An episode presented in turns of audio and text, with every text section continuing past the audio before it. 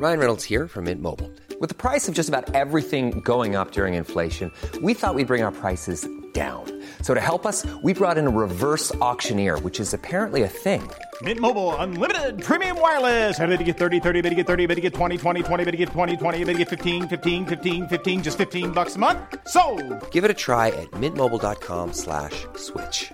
$45 upfront for three months plus taxes and fees. Promo for new customers for limited time. Unlimited more than 40 gigabytes per month. Slows. Full terms at mintmobile.com.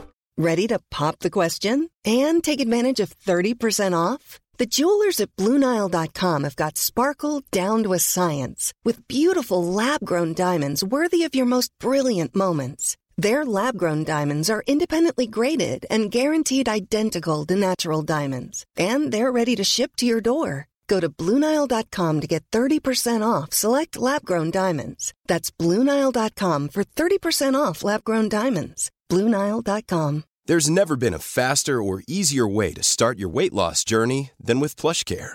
PlushCare accepts most insurance plans and gives you online access to board-certified physicians who can prescribe FDA-approved weight loss medications like Wigovi and Zepbound for those who qualify.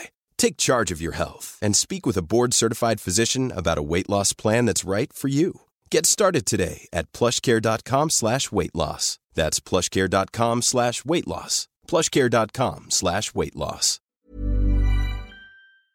Den här veckan är vi lyckligt sponsrade av Läkerol Dents. Det är alltså tuggpastiller som innehåller 50 xylitol. Jajamän. Xylitolet gör ju att emaljen blir hård. Eh, mineralisering kallas den processen. Det är ju fantastiskt att snaska på någonting väldigt gott samtidigt som du gör mer eller mindre underverk för dina tänder. Och Sanna, du vet ju att Läkerol Dents är min nya kompis den här sommaren. Mm. Och det passar mig perfekt för du vet ju också att jag är en pastillmänniska utan dess like. Jo tack, jag har märkt det. Mm. Jag har ju i rakt nedstigande led från farmor Inga som jag tror aldrig har setts utan en Läkerolask på Katrineholms gator. Salig där uppe. Kanske finns hon i himlen. Kanske finns, har hon med sig sina pastiller i himlen? Troligtvis.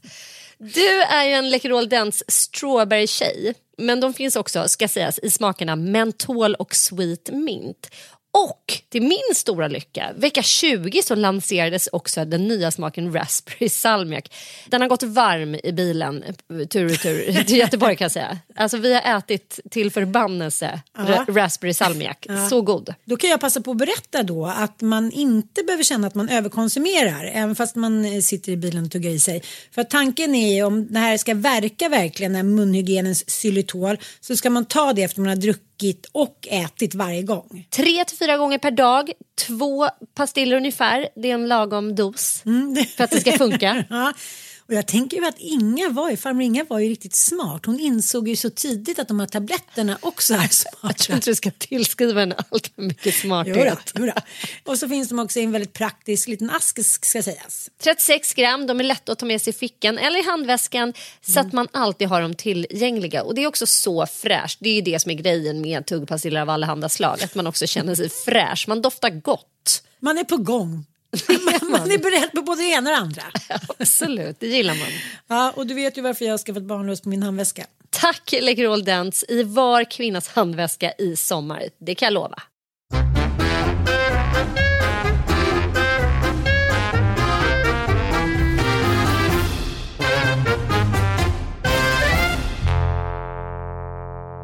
Hej och välkomna till veckans avsnitt av Inte din morsa. Inte din morsa. Det är inte din morsa. Nej, jag kände idag att jag ville verkligen, jag hade ett sånt där äh, sug efter att bara så här, åh, tänk om jag eh, kunde slippa den här äh, stora praktiska, alltså januari det är ju en jävla skitmånad, det konstaterar man ju gång på gång, jag, jag tänker alltid positivt att det är härligt med oxveckor, det är härligt med vardag, det är härligt när ljuset vänder, men det är fan inte härligt med januari alltså. Men, men jag tänkte på det att man gör ju vad som krävs ibland för att förtränga att saker och ting är så jobbiga. Mm. Och jag lyssnade på Amelia Dam och vi har pratat om henne för inte så länge sedan. Men hon eh, var med i P4 igår hos Titti Schultz. Mm. Och då berättade hon eh, om sin familjehemlighet. Som hon säger att alla familjer har en hemlighet. Och det kanske man inte tänker på för man förtränger det. Men det är ju verkligen så att alla familjer har en hemlighet. Vad hade hon då? Ja, men hon säger att hon har skrivit och berättat om det, men jag, jag hade inte hört i alla fall att hon födde en son i Rom det 1974 och han levde bara i två timmar. Mm. Och eh, de här nunnorna på sjukhuset i Rom där han föddes, de hann ju både nöddöpa och begrava honom innan hon vaknade upp i narkosen. Enligt strikta då katolska regler. Så att dels så dog han och det visste hon inte. Men när hon vaknade till liv ur narkosen, eller vaknade upp ur narkosen, då var han redan döpt och begravd. Åh herregud. Men så himla hemskt. Och Han döptes då, eller de döpte honom till Giuseppe Paolo. Och eh, Giuseppe blir översatt till Josef och det namnet gav de här nunnorna pojkar som inte hade någon pappa. Ja, för Josef är hebreiskt namn som betyder Herren förökar. Som jag tyckte att det var ganska fint. Här handlade det ju om att liksom horungarna, typ, förstår du? Ja, jag fattar. Men det så sjuka var att pappan var ju hemma i Sverige men eftersom de inte var gifta så man inte såg det i papperna då antog ju de att barnet var liksom faderslös. Mm. Ja, och sen hennes mamma var med henne i Rom och såg det här lilla barnet. Han föddes sex veckor för tidigt, gjorde jag med. Och han hade ju liksom inte klarat något fungerande liv sa då läkaren, så det var bra att han inte, inte överlevde. Men hon var så jag fann mig mitt öde och nunnorna då snör, snörde då mina mjölkstinna bröst. Jag frågade inget mer. Jag vill inte veta, det var som att jag var förstenad. Mm. Sen sa hon att hon åkte hem då hade bara en, en tanke ut att bli med barn igen. Och sen så bara blev hon gravid och sen puttade hon ner den här Giuseppe liksom i någon ja, glömska liksom. Sen så var det en av hennes söner, söner som frågade så här, vad, vad är vår brorsa liksom? Eh, vad är han begravd? Och eh, då bara kom hon på här att hon, eh, hon klarade bara inte av det, hon förträngde det. Så det tog 50 år innan hon, eh, innan hon åkte till graven. Mm. Och jag tänkte på det, jag har ju så svårt att gå till min mammas grav. Jag, det kanske inte är så himla fa- liksom farligt och dumt alltid att man inte ska konfrontera allting. Jag känner mig liksom dålig, jag känner skam och skuld för att jag inte är där vid mammas grav och håller på att sätta blommor hela tiden och fixar som min syrra. Men det kanske bara är ett sätt för mig att överleva. Liksom. Då måste det vara så himla dåligt jämt att man tränger undan grejer. Nej, det behöver det väl inte vara. Men eh, det finns ju någon allmän så idé som är väldigt stark just nu. Att vi, till skillnad från före skulle jag säga andra världskriget. När man tänkte att just den här förmågan att tränga undan saker och att lägga saker bakom sig och att vända blad. Som vår kära kung uttryckte det. Det är liksom en sån otrolig förmåga som vi människor eh, har stor nytta av. Men sen vill ju då till exempel personer som vår älskade holistic psychologist eller Gabor Matteo och, och andra då göra gällande nu att det här skapar liksom, vad ska man säga, amputerade liv. Att vi inte har tillgång till att vara autentiska därför att vi måste stänga ner stora delar av vår minnesbank eller vår hjärna och att det finns då massa lagrad anspänning i det som ja, Gabor Maté vill ju mena att det skapar till och med hjärnskador, alltså den typen av trauman som man inte lyckas då få eh, bearbeta. Som kan ge ja, men stora konsekvenser framåt i livet. Och, och det där, eh, vetenskapen håller väl på att kartlägga det här just nu. För man har ju faktiskt inte kunnat peka på. Vi kan ju så lite om hjärnan och vi vet så lite om vad som händer i hjärnan när vi utsätts för traumatiska händelser. Men det är ju på frammarsch, alltså den forskningen är ju så sjukt spännande. Och jag tror att eh, svaret på din fråga är liksom inte enkelt. Och det finns inga raka svar. Och det är också individuellt. Vissa människor är ju jättekänsliga och andra människor är ju mindre känsliga för trauman. Och när man tittar på en person som Amelia så är hon en typiskt maskrosbarn. Och hela dokumentären om henne handlar ju om att hon har en sån obändlig förmåga till att just le och leverera trots att hon har varit igenom sjukt svåra grejer. Och det som kanske har präglat hennes liv mest är att hon blev lämnad när hon var jätteliten av sin mamma på ett eh, katolskt barnhem, alltså någon typ av flickskola med liksom iskalla nunnor som behandlade henne väldigt, väldigt illa. Och den eh, tiden i livet liksom det är ju som att hon bara lärde sig då att eh, självtrösta på massa olika sätt. Och sen kan man väl se att hela hennes liv bara är handlar väldigt mycket om det. Att se till att självtrösta sig. Både genom de texter hon alltid har skrivit. Alltså man, om man tittar på liksom, hennes texter handlar ju väldigt mycket om att så här, ta sig igenom svårigheter. Gör det lite fin, gå ut där nu. Alltså mm. Det är väldigt mycket så pepp för mm. kvinnor som hamnar i skit. Och man kan tycka att det är floskler och det är enkla lösningar och så här, men det har ju uppenbarligen funkat för henne. Men och för det många som är lite andra tror jag. Ja, och för många andra. Jag ja. tror att det funkar. Men det som är lite spännande ju, det är att hennes barn nu vill åt hennes ursprungssår. Och det tror jag inte hon riktigt var beredd på. Nej. Att hon liksom har barn som är såhär, vad hände med honom? Mm. Och, och, det finns ju ett tillfälle i den här dokumentären hon pratar om, hennes barns pappa dör ju i cancer. Mm. Och hur hon då blixtsnabbt går in i en ny förälskelse. Och bara tre månader efter begravningen så bara flyttar hon ju ihop med Torbjörn, vad heter han? Torbjörn Larsson. Ja, Torbjörn Larsson, han flyttar in. Alltså det är klart att barnen tycker det är skitmärkligt. Ja. Men hon liksom bara hanterar sorg och smärta med att bara direkt vända blad, tänka nytt. Ingen möjlighet för henne att titta bakåt för då kommer hon gå sönder. Typ. Så tolkar jag det som. Ja, men jag fattar. Eh. Men jag, jag tänker också att, att, att, man ofta får höra, jag kan också höra, ja men du var ju bara som en snubbe var. Och det har väl säkert Amelia också fått höra att, så här, att hon nu, jag vet inte om någon har sagt det till henne, men hon har ju offrat mycket och gått över lik. Hon har ju varit stenhård i sitt karriärtänk. Liksom. Mm. Ja, men hon har ju inte väjt för någonting. Alltså, nej, hon är ju superfascinerande och jag är så glad att jag... Hon var ju faktiskt den första som gav mig frilansjobb. Var hon? Ja.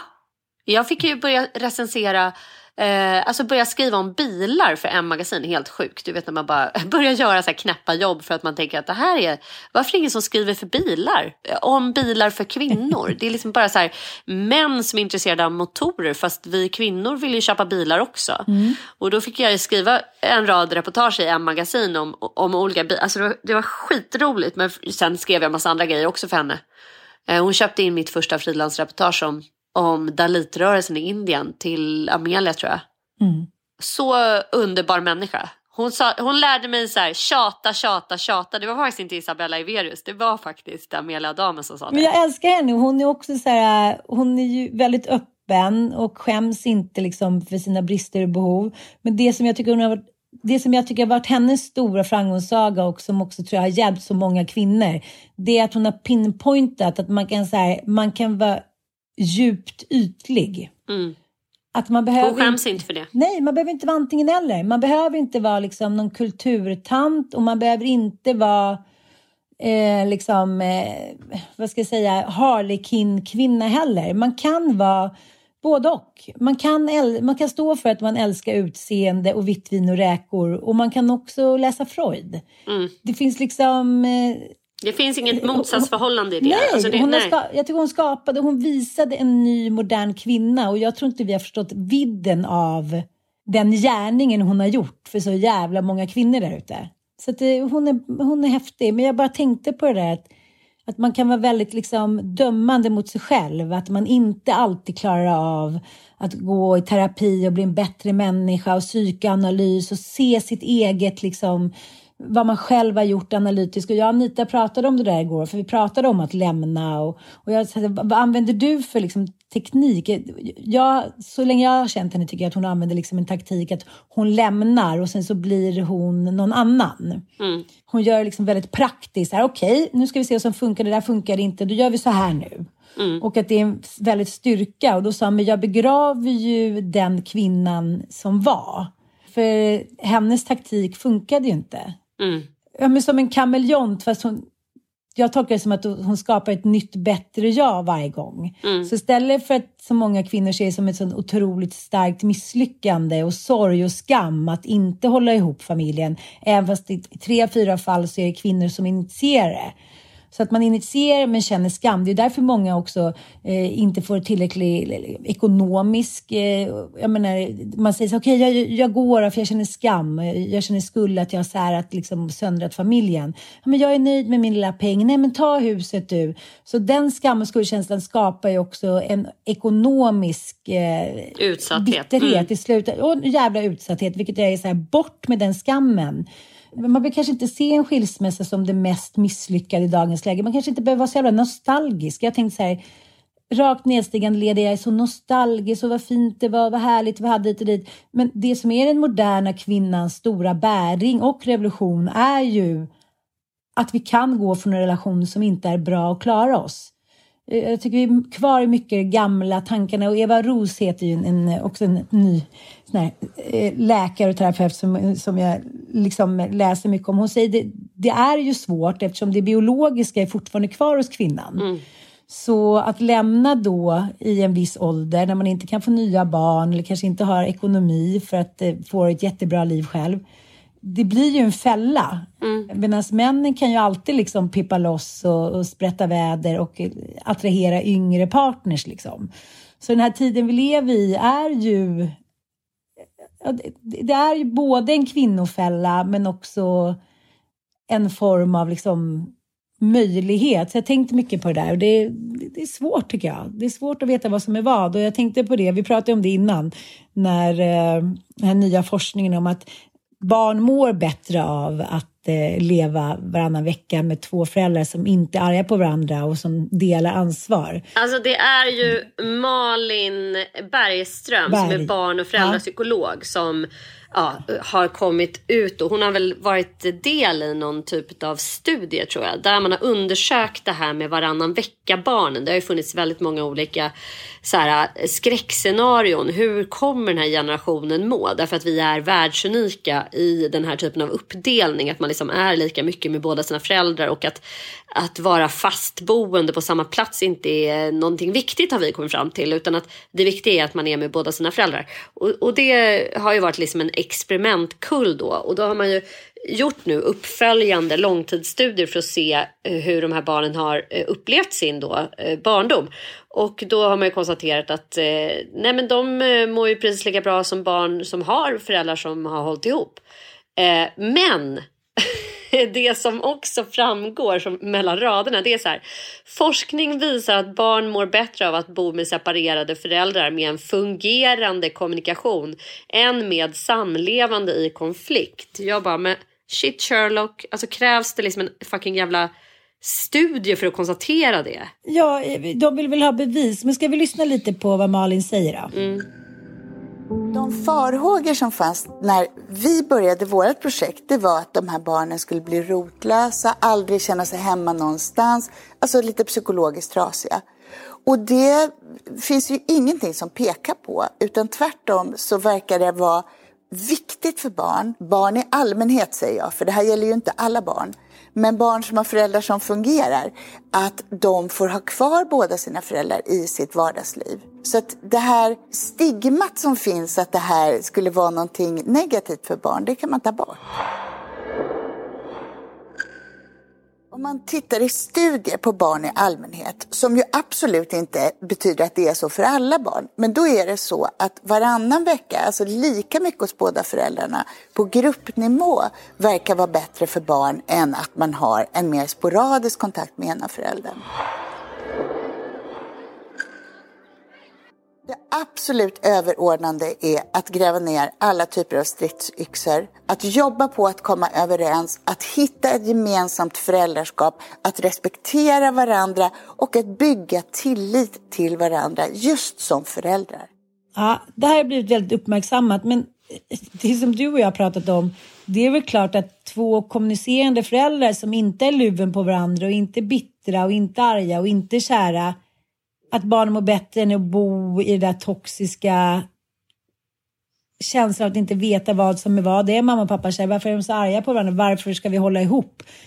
Det, det tycker jag många har sagt. På, ja, men, när man kanske varit äldre och ens föräldrar skilt sig så har jag många kompisar som har sagt så här, men vi har tyckt att de ska skilja sig typ 15 år. Mm. Men det är de som har velat hålla ihop för att de vill ha den här bilden av en familj. Vi har bara tyckt att det varit helt vedervärdigt.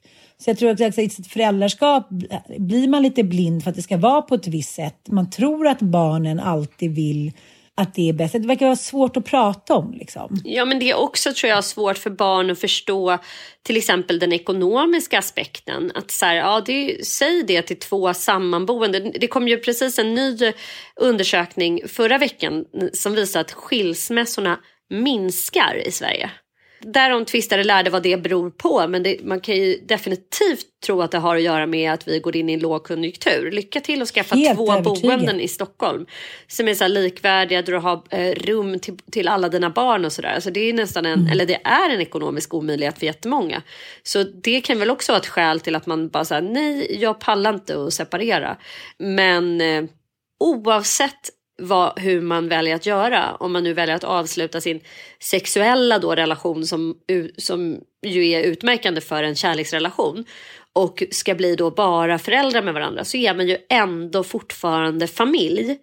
Och o- den familjen när man är särbos eller bor på varsitt håll och inte har en kärleksrelation kan ju vara precis lika dysfunktionell som när man bodde ihop. Ja. Det är där jag blir liksom lite irriterad. Att så här, men gud, behöver man verkligen göra en stor studie om det? Det är klart att det är pissdåligt för barn att leva i eh, dysfunktionella familjesystem oavsett om föräldrarna har en kärleksrelation med varandra eller inte. Har du en pappa som hatar mamman och slår henne, ja då kommer det vara skadligt oavsett om de bor ihop eller inte.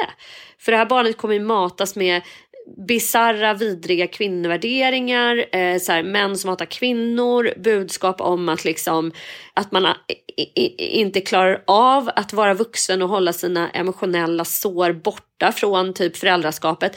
Ja, men det, det, det, för mig är det bara helt givet eh, någonstans.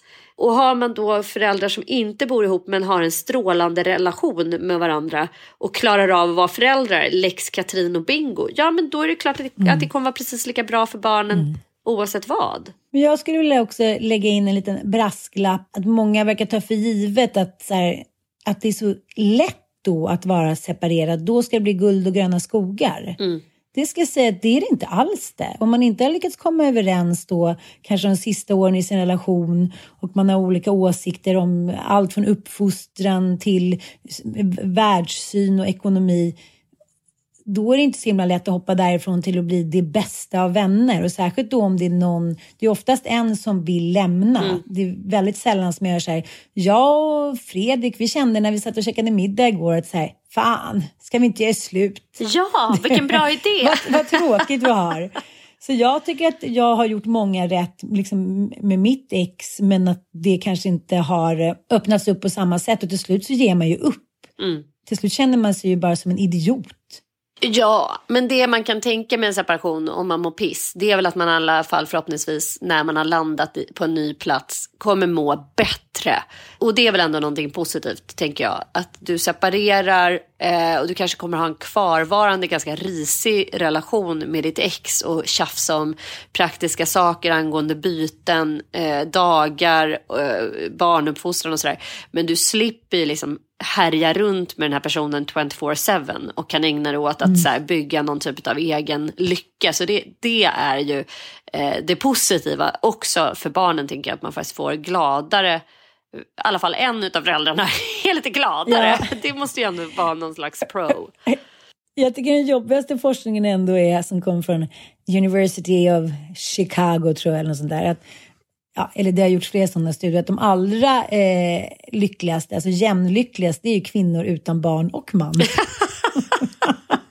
Ja, det är jävligt Makes mörkt. sense. Alltså. De var så här, men det är inte alls samma resultat med ensamma män utan barn. Så att, ja, nej men det, det, det är roligt för det var ju många av eh, feminist-Sveriges eh, vad ska jag säga, front eh, Figurer, kvinnor ja.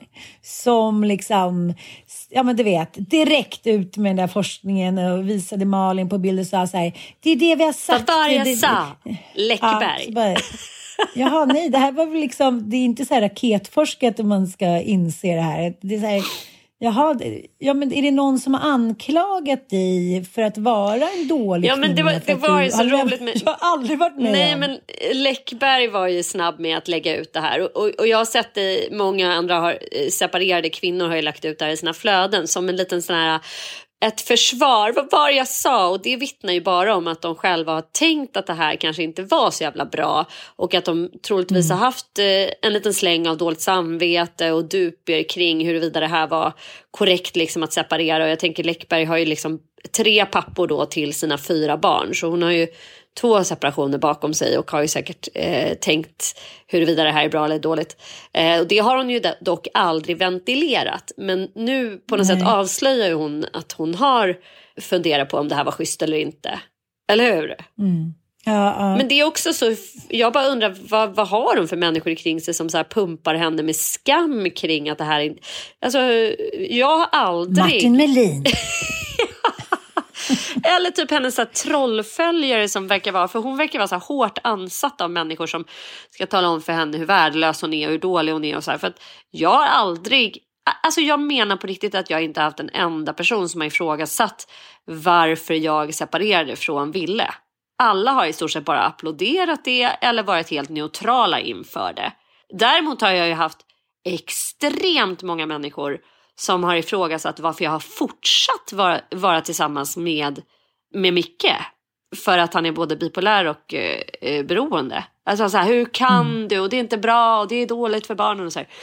Så att eh, jag förstår inte riktigt det där. Jag har alltid blivit peppad till att skilja mig. Alla bara så här, bra du måste, du måste gå nu.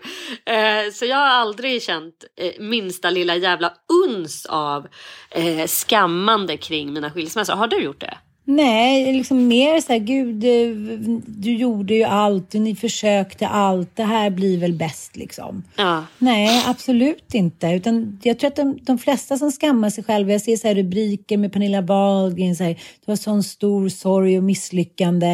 Eh, kanske att liksom typ SAS-Janne-gubbar kan säga jag kände, det kändes som ett misslyckande när min fru lämnade mig för att jag jobbade så mycket. Men det är alltid paritet till att man har valt eh, jobbet och karriären för eh, barnen liksom, och inser att det här blev ju ensamt och tråkigt. Men eh, kvinnor tar det ju personligt. Liksom. Mm. De kan inte, det är svårt tror jag när man är inne i det och se den stora helhetsbilden. Att så här, okej, okay, vad var boven i dramat? För män är det väldigt lätt att ta till då, ja men det var jobbet. Jag valde jobbet och till slut så förstod jag att hon gav upp.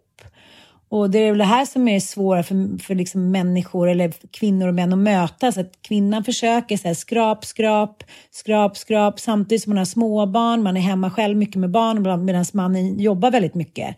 Och jag tror att mannen är också uppe i sitt, precis som vi är uppe i vårt och tänker så här, nej men ja, ja, det där går väl över. Och sen så går det inte men, över. Men om jag får, får rannsaka min egen separation så ångrar jag ju inte en sekund att jag lämnade eh, liksom mannen i fråga. Sorgen ligger i att förlora sitt barn hälften av tiden. Ja. Det är det som förhindrar mig från ny separation. Alltså det skulle jag säga. Mm. Alltså det är den mm. sorgen som jag liksom inte får ihop apropå att vi är biologiska varelser och vill vara med våra barn, vår avkomma, mm. hela tiden. Och ja. det är där jag står och köpslår. Kararna kan gärna komma och gå men liksom barnen vill jag gärna ha på mm. heltid och det är jag beredd att ta strid för. Och där tror jag, alltså så här, vi lever ju liksom i ett samhälle som eh, belönar kvinnor som klarar av att vara borta från sina barn. Alltså, vi ska ut och mm. jobba i yrkeslivet, vi ska dela på föräldraledigheten, vi ska liksom låta männen kliva in och de ska vara pappor i lika hög utsträckning och vi ska känna oss okej okay och fine med det. Och jag, eh, jag känner mig inte så okej okay och fine med det och jag tror inte det har att göra med att jag har haft liksom eh, halvdysfunktionella fäder då till mina barn i perioder. Utan jag tror att det är biologiskt i hög utsträckning mm. och att vi gör våld på oss när vi liksom inte eh, får vara med våra små barn så mycket. Det här har ju vi varit inne på eh, skitmånga gånger jag i podden. Vet, jag, liksom. vet, jag vet, jag vet, ja. jag vet. Nej men det är inte enkelt, det är det inte. Det är inte enkelt och det är liksom det är spännande att det är så många som går runt och verkar ha någon typ av skuld över att de en gång i tiden separerade och nu får de plåster på såren av Malin, the psychologist. Ja, ja. men jag, jag kan också förstå, eh, män initierar ju aldrig separationer och skilsmässor i stort sett om de inte har en ny. Är det så? Ja, ny forskning. Nu vi, sätter vi forskarhatten på oss, älskling. Ja. Nej, men plus 40 så sker de flesta skilsmässorna, där första åren efter 40. Och tre fyra kvinnor tar initiativ till separations och skilsmässa plus mm. 40. Mm. En är man och då eh, så eh, har han Oftast Träffat en ny. träffat en ny. Ja. Och forskarna är lite, så här, de är lite brydda. De fattar ju att, att, liksom, att det, det kan vara skillnad rent könsmässigt, men att det är så otroligt stor skillnad. Och kvinnorna mår ju mycket sämre under tankegångarna. Liksom så här, de tänker ju flera år innan. Så här, ska jag göra det här? Är det värt? Och barnen, och gud, jag är en dålig kvinna, mamma, bla bla bla. Men sen ganska snart efter de har separerat så mår de ju bättre. Liksom. Och det kan man ju se tydligt på det nu, numera öppna kontot Mansbebisar. ja, jag älskar mansbebisar. En njutning att läsa och också väldigt horribel. Mm. Där är det en, en stilstudie eller en liksom skolstudie i hur män tar kvinnor för givet. Mm. Och inte tycker att de behöver ge lika mycket tillbaka för att få. Nej. Man tycker ju då att det här eh, skulle vara en självklarhet i de flesta relationer att man, man växeldrar. Men det är ju faktiskt inte det 2023. Jag ska inte säga att, att alla män är så, men, men många män gör faktiskt inte det. Och eh, det här blev tydligt när jag var nu uppe i Östersund. Vi var hemma hos Emil Jönsson Haag och Anna Haag. De är ju båda liksom elitidrottare och har varit bäst i världen på längdåkning. Och eh, Anna sats, fick för sig att hon skulle satsa igen och sen har det gått mycket bättre än vad hon hade planerat. Så det har blivit så här, ojsan svejsan, nu får Emil steppa upp här och eh, ja, det har blivit liksom mycket mer resor och barnen har hängt med och inte gått på förskolan och så här. Och att vara där i två dagar och se deras organiska samspel kring, vad ska du, ja, på tisdag åker jag iväg två dagar, okej älskling, men eh, då håller jag koll på det. Eh, när man lagade mat, den tog där, den tog över, någon tog barnen. Det gick liksom som, alltså det var ingen effort, det var inget ifrågasättande. Man stöttade varandra och var schyssta mot varandra. Och eh, att den här maktkampen, jag är så intresserad av när den uppstår, varför så få män inte tycker att det är en självklarhet att så här, vi delar 50-50, då kan jag inte det, då ordnar jag för dig så att du inte ska bli helt slut. Nej, men det är flera. Alltså, Ida Estensson har ju kommit med en ny bok nu också som visar att liksom, män eh, inte gör ett piss i stort sett. Alltså sammanfattningsvis om man tittar på liksom, det obetalda hemarbetet, projektledningen. De har ju också tittat på arbetsplatser eh, och gjort enkätundersökningar att liksom, kvinnor gör så här icke lönehöjande arbete i större utsträckning. Typ tar anteckningar, håller på med liksom, kaffekok Ja. och allt det här som inte är meriterande på något sätt. Och så här, It's the story of our lives på något sätt. Ja, och så här, jag tänker också på den studien som kom här nu om, från TCO tror jag det var, om föräldraförsäkringen. Att män fortfarande tar ut en liksom liten jävla larvpottedel av barnets liksom föräldra, av föräldraförsäkringen. Och vi har ju haft då liksom röda partier faktiskt som har ja, men gjort att en stor del av föräldraförsäkringen är vikt då åt män som de inte kan föra över till någon annan. Och det gör ju bara att barnet i slutändan inte får vara med sina föräldrar alls eftersom männen vägrar plocka ut det där. För de tjänar inte ekonomiskt på att vara föräldralediga, då skiter de i det. För pengar går först för män. Eh, liksom, om vi nu sammanfattar det. Jag fattar ju att det inte är vissa män och så vidare. Men överlag så är det här någonting som både drabbar då kvinnor, eh, vår biologiska funktion. Det är helt enkelt ett system som inte funkar. Jag är Det funkar för, nej, inte men, längre. Nej, det funkar inte. Jag är för att liksom, föräldraförsäkringen den ska, ska liksom par få individuellt bestämma över. Men kvinnor ska kompenseras pensionsmässigt för att vi är hemma med barn. Och vi ska kompenseras pensionsmässigt när vi tar 75 procent eh, ar- arbeten också. Det borde ju liksom arbetsgivare kunna locka med tänker jag i, i dessa tider att så här, du kan få jobba 75 procent för vi vet att du vill vara med dina barn. Det är väl också den här nya generation vad kallas de för, Z som faktiskt kräver det. Att de vill ha kortare arbetsveckor och mindre arbetstid och så. Det är Det, inte, vi- det tänkte inte vi vi ens på. tänkte inte ens på det. Vi tänkte bara så här, kan vi få jobba så mycket som möjligt och ha så mycket dagis eller förskola då som möjligt. Daghem till alla, ropen ska skalla, vi vill jobba som vilken man som helst. Problemet är att det vill vi inte. Det är inte bra för oss, det är inte bra för våra kroppar, det är inte bra för våra själar och det är inte bra för våra barn. Så, så det liksom måste hända någonting annat i vårt system. Vi måste jacka om. Ja, men jag tänker på Andrew Tate som vi har pratat om innan. Hans klipp sprids vidare av unga killar som tycker att han är liksom eh, the, The shit. De Ja. älskar honom alltså. Nej, men de tycker att han är liksom kungen av toxiskhet. De tycker så här, äntligen en snubbe som vågar liksom sätta tjejerna på plats. Ja.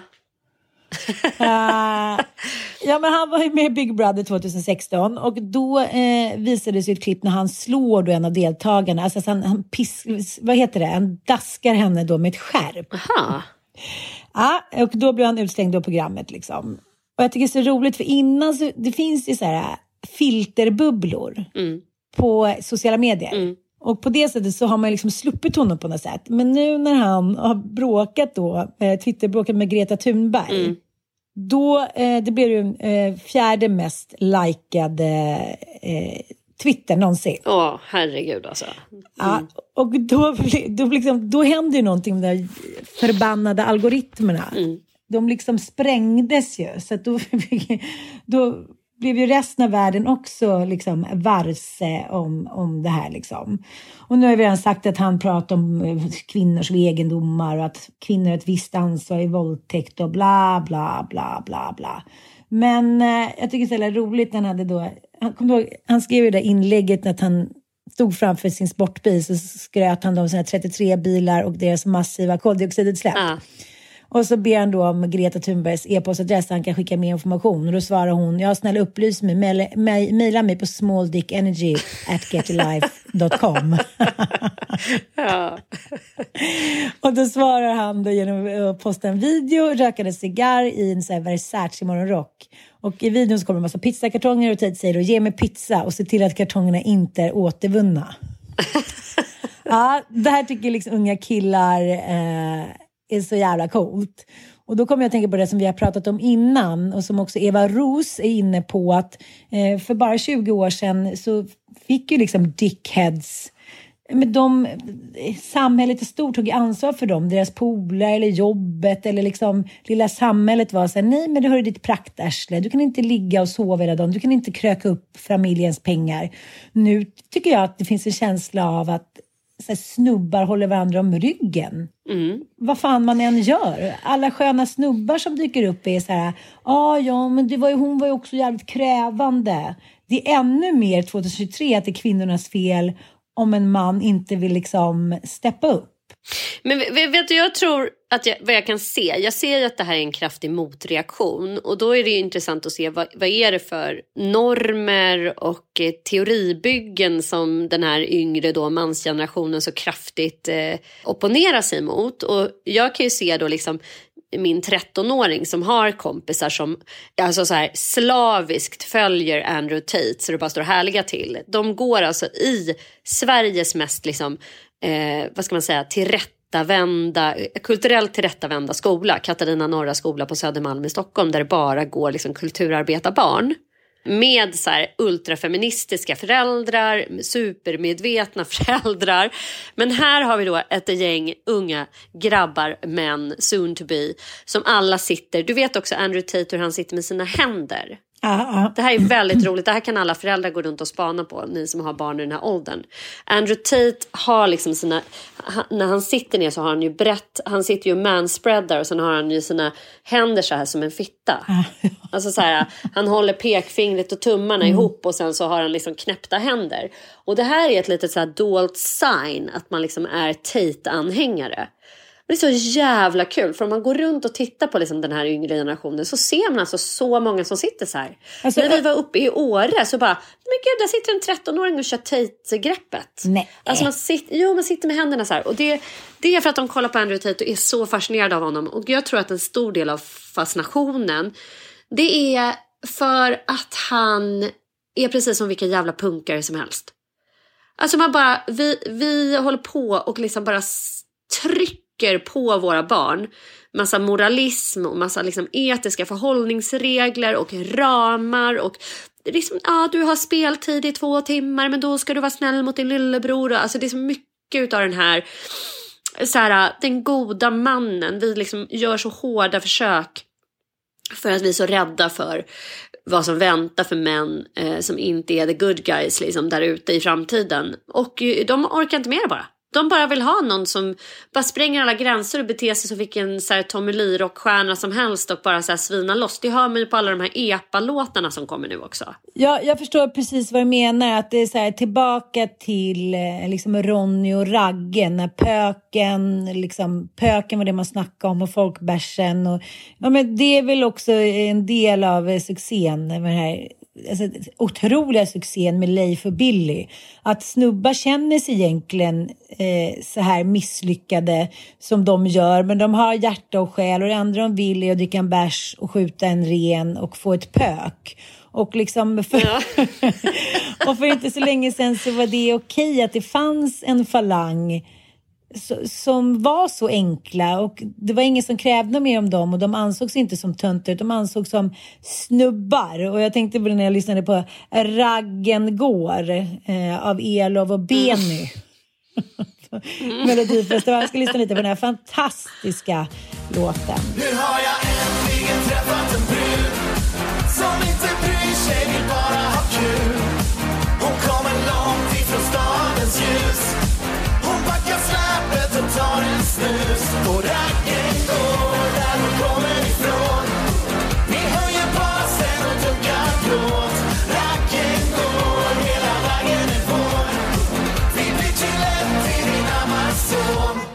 Ja, den handlar mycket om att man, här, man ska få ta en korv typ åka runt med sin raggarbil. Ja. Alltså, det, det, ställs för mycket krav på män tycker de. Ja, men de vill ja, ha det enkelt. Alltså, jag tror att det, är så här, det, det har blivit för komplicerat. Det, det är liksom ogripbart för den här yngre generationen. Att så här, vad har de att leva upp till? Det är också ett faktum att så här, det är den första generationen som troligtvis kommer att ha det sämre än sin föräldrageneration. Mm alltså på flera hundra år mm. i Sverige. Att så här, nej, ni kommer få det sämre. Både klimatförändringarna, det, det, är inte lika lätt att få jobb, det är en stor jävla lågkonjunktur, det är typ omöjligt att få bostad.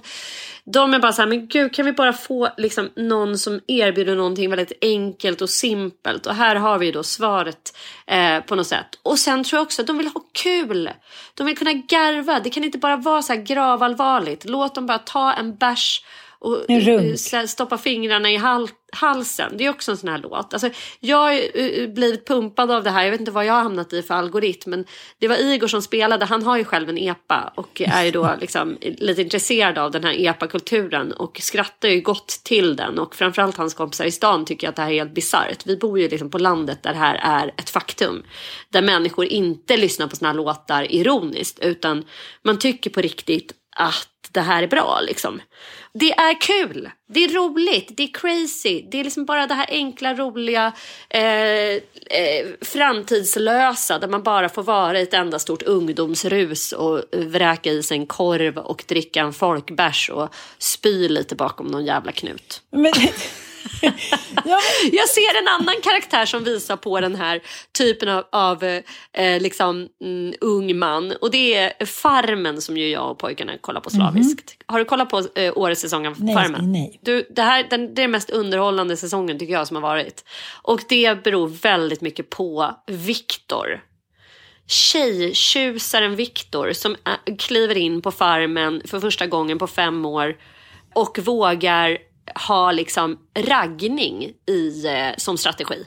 Ja, midsommar, midsommar. Det var härligt. Eh, du skulle varit där. Jaså? Ja. Vad hade jag fått uppleva då? då? Vad hade du velat uppleva? ja, ja, jag vet inte hur jag skulle kunna få dig att uppleva. Jag hade väl trollat dig då.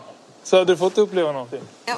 Hans enda strategi på farmen det är att förföra så många kvinnor som möjligt. Och det här, jag tycker det är så modigt att man vågar göra det här efter metoo.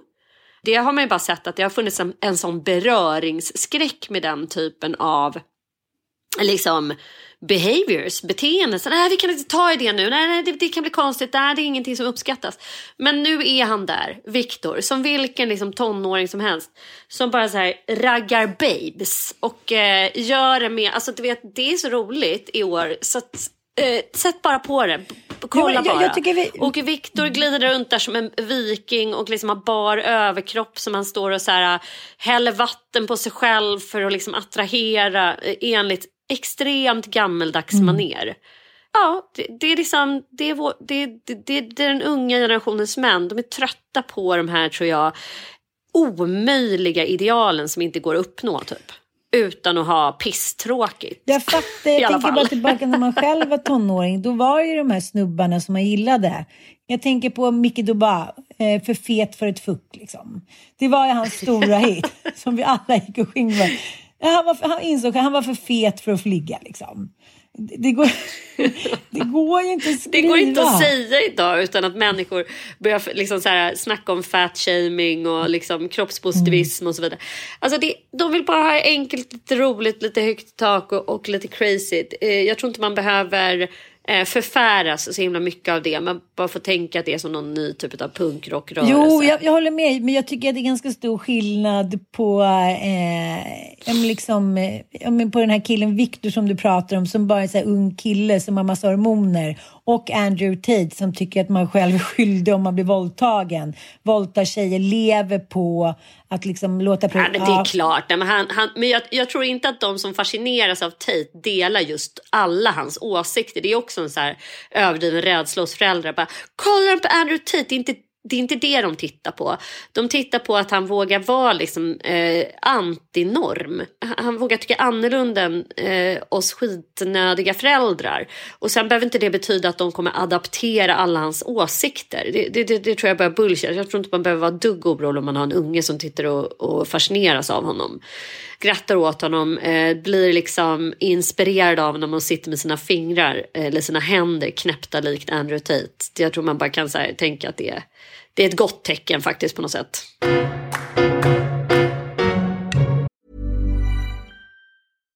This podcast is brought to you by eHarmony, the dating app to find someone you can be yourself with. Why doesn't eHarmony allow copy and paste in first messages? Because you are unique, and your conversations should reflect that. eHarmony wants you to find someone who will get you. How are you going to know who gets you? If people send you the same generic conversation starters, they message everyone else. Conversations that actually help you get to know each other. Imagine that. Get who gets you on eHarmony. Sign up today. There's never been a faster or easier way to start your weight loss journey than with PlushCare. PlushCare accepts most insurance plans and gives you online access to board-certified physicians who can prescribe FDA-approved weight loss medications like Wigovi and Zepbound for those who qualify. Take charge of your health and speak with a board-certified physician about a weight loss plan that's right for you. Get started today at plushcare.com slash weight loss. That's plushcare.com slash weight loss. plushcare.com slash weight loss. Many of us have those stubborn pounds that seem impossible to lose, no matter how good we eat or how hard we work out. My solution is PlushCare. PlushCare is a leading telehealth provider with doctors who are there for you day and night to partner with you in your weight loss journey. They can prescribe FDA-approved weight loss medications like Wagovi and Zepbound for those who qualify. Plus, they accept most insurance plans. To get started, visit plushcare.com slash weight loss. That's plushcare.com slash weight loss. Want to teach your kids financial literacy, but not sure where to start? Greenlight can help. With Greenlight, parents can keep an eye on kids' spending and saving, while kids and teens use a card of their own to build money confidence. As a parent, you can send instant money transfers, set up chores, automate allowance, and more. It's a convenient way to run your household, customized to your family's needs, and the easy way to raise financially smart kids. Get started with Greenlight today and get your first month free at greenlight.com slash ACAST. Nog om det där jävla Tate. Innan vi avslutar den här podden så vill jag skryta. Mycket för att jag har gått och blivit här, trots att vi är inne i dessa äckliga oxveckor, så har jag lyckats klämma in fyra fucking kulturupplevelser. Det är du. Det, det, det, där fick du inte med mig, det fick du inte. Men jag har åkt längdåk, Nej, men där fick jag med mig. Ja, du åkte, ja, men det är bra. Men jag, eh, jag vill kort bara berätta om två utav dem som jag vill rekommendera både till dig och till eh, våra eh, lyssnare förstås. Jag har läst eh, Sara Gårdans bok Natten. Jag har den hemma. Har du läst den? Du har den hemma? Nej men alltså Snälla, det här är, den finns på pocket nu så det finns inga eh, liksom plånböcker i världen som inte har råd att eh, investera i den här boken. Och den finns också som ljudbok. Den är liksom helt fantastisk och den är väldigt berörande för den, den handlar ju om eh, en tonårsmamma som jagar sitt barn som, ja, i natten. Och den, eh, ja för fan vad jag den bara högg sig rakt in i hjärtat. Och den handlar om moderskap och den ständiga oro man har för sina barn. Och det här nattsvarta när man har ett barn som inte mår bra och som eh, drar sig undan och isolerar sig och lever ett parallellt liv. Liksom, och att eh, livet går ut på att bara jaga och försöka nå fram eh, till det här barnet. Sen såg jag liksom bara kort därefter, det är som att jag jag bara blir lite rädd att universum vill på något sätt ge mig de här två pjäserna eller de här, de här två kulturupplevelserna. För att jag, är det för att jag behöver förbereda mig eller är det för att jag, jag vet inte varför jag har fått det här till mig. Men jag såg Lost Lake på Stadsteatern. Jag svek ju dig. Ja, du svek mig och jag, ah, jag bara, det säger jag varje gång jag ser teater. Jag vill se mer teater för att det finns liksom ingenting som får mig eh, verkligen vara i det där rummet eh, här och nu så mycket som teater tror jag.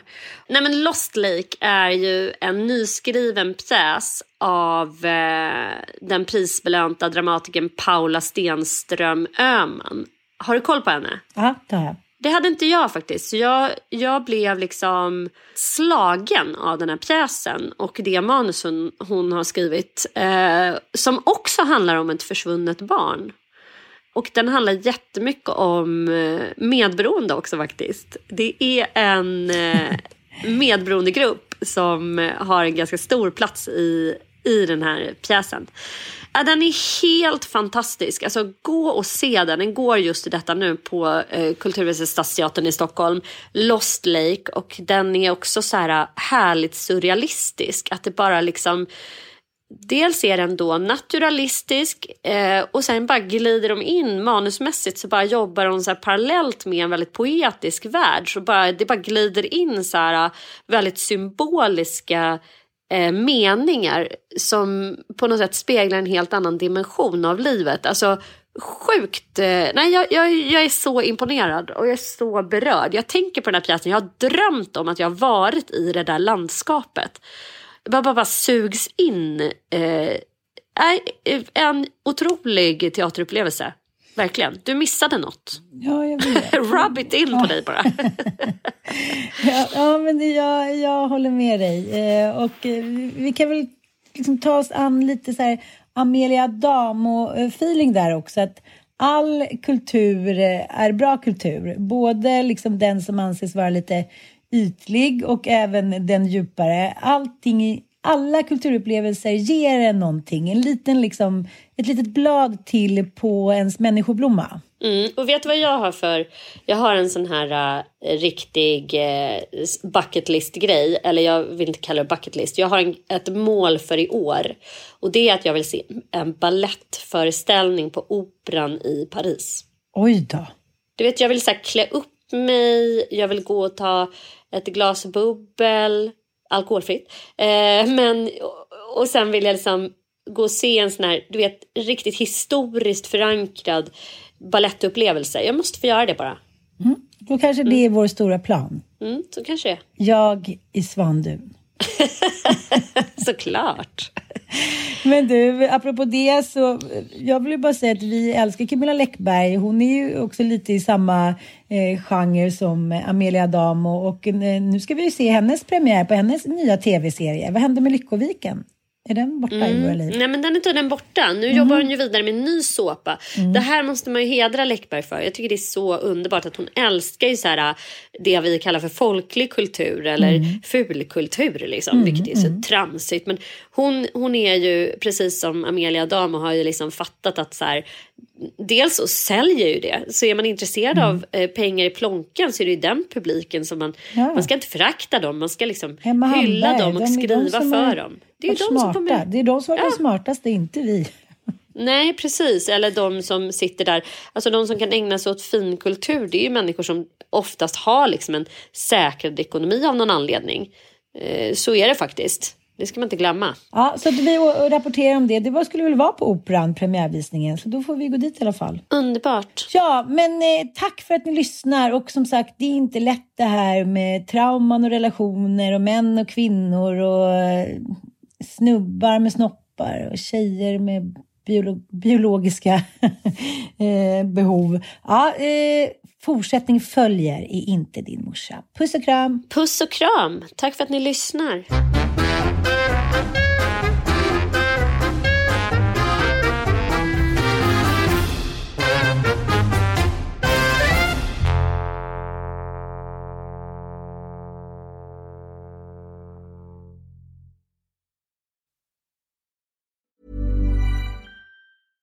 Imagine the softest sheets you've ever felt. Now imagine them getting even softer over time. That's what you'll feel with Bowl and Branch's organic cotton sheets. In a recent customer survey, 96% replied that Bowl and Branch sheets get softer with every wash. Start getting your best night's sleep in these sheets that get softer and softer for years to come. Try their sheets with a 30-night guarantee. Plus, get 15% off your first order at bowlandbranch.com. Code BUTTERY. Exclusions apply. See site for details.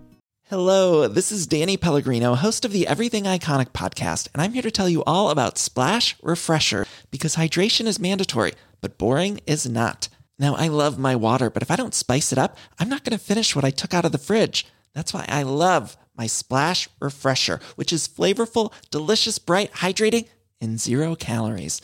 The wild berry flavor is my fave. No, wait, is the pineapple mango flavor my fave? You know what? All five craveable splash refresher flavors are my fave because they're so delicious. So get hydrated and enjoy it with Splash Refresher. Imagine the softest sheets you've ever felt. Now imagine them getting even softer over time. That's what you'll feel with Bowl and Branch's organic cotton sheets. In a recent customer survey, 96% replied that Bowl and Branch sheets get softer with every wash. Start getting your best night's sleep in these sheets that get softer and softer for years to come. Try their sheets with a 30-night guarantee. Plus, get 15% off your first order at bowlandbranch.com. Code BUTTERY. Exclusions apply. See site for details.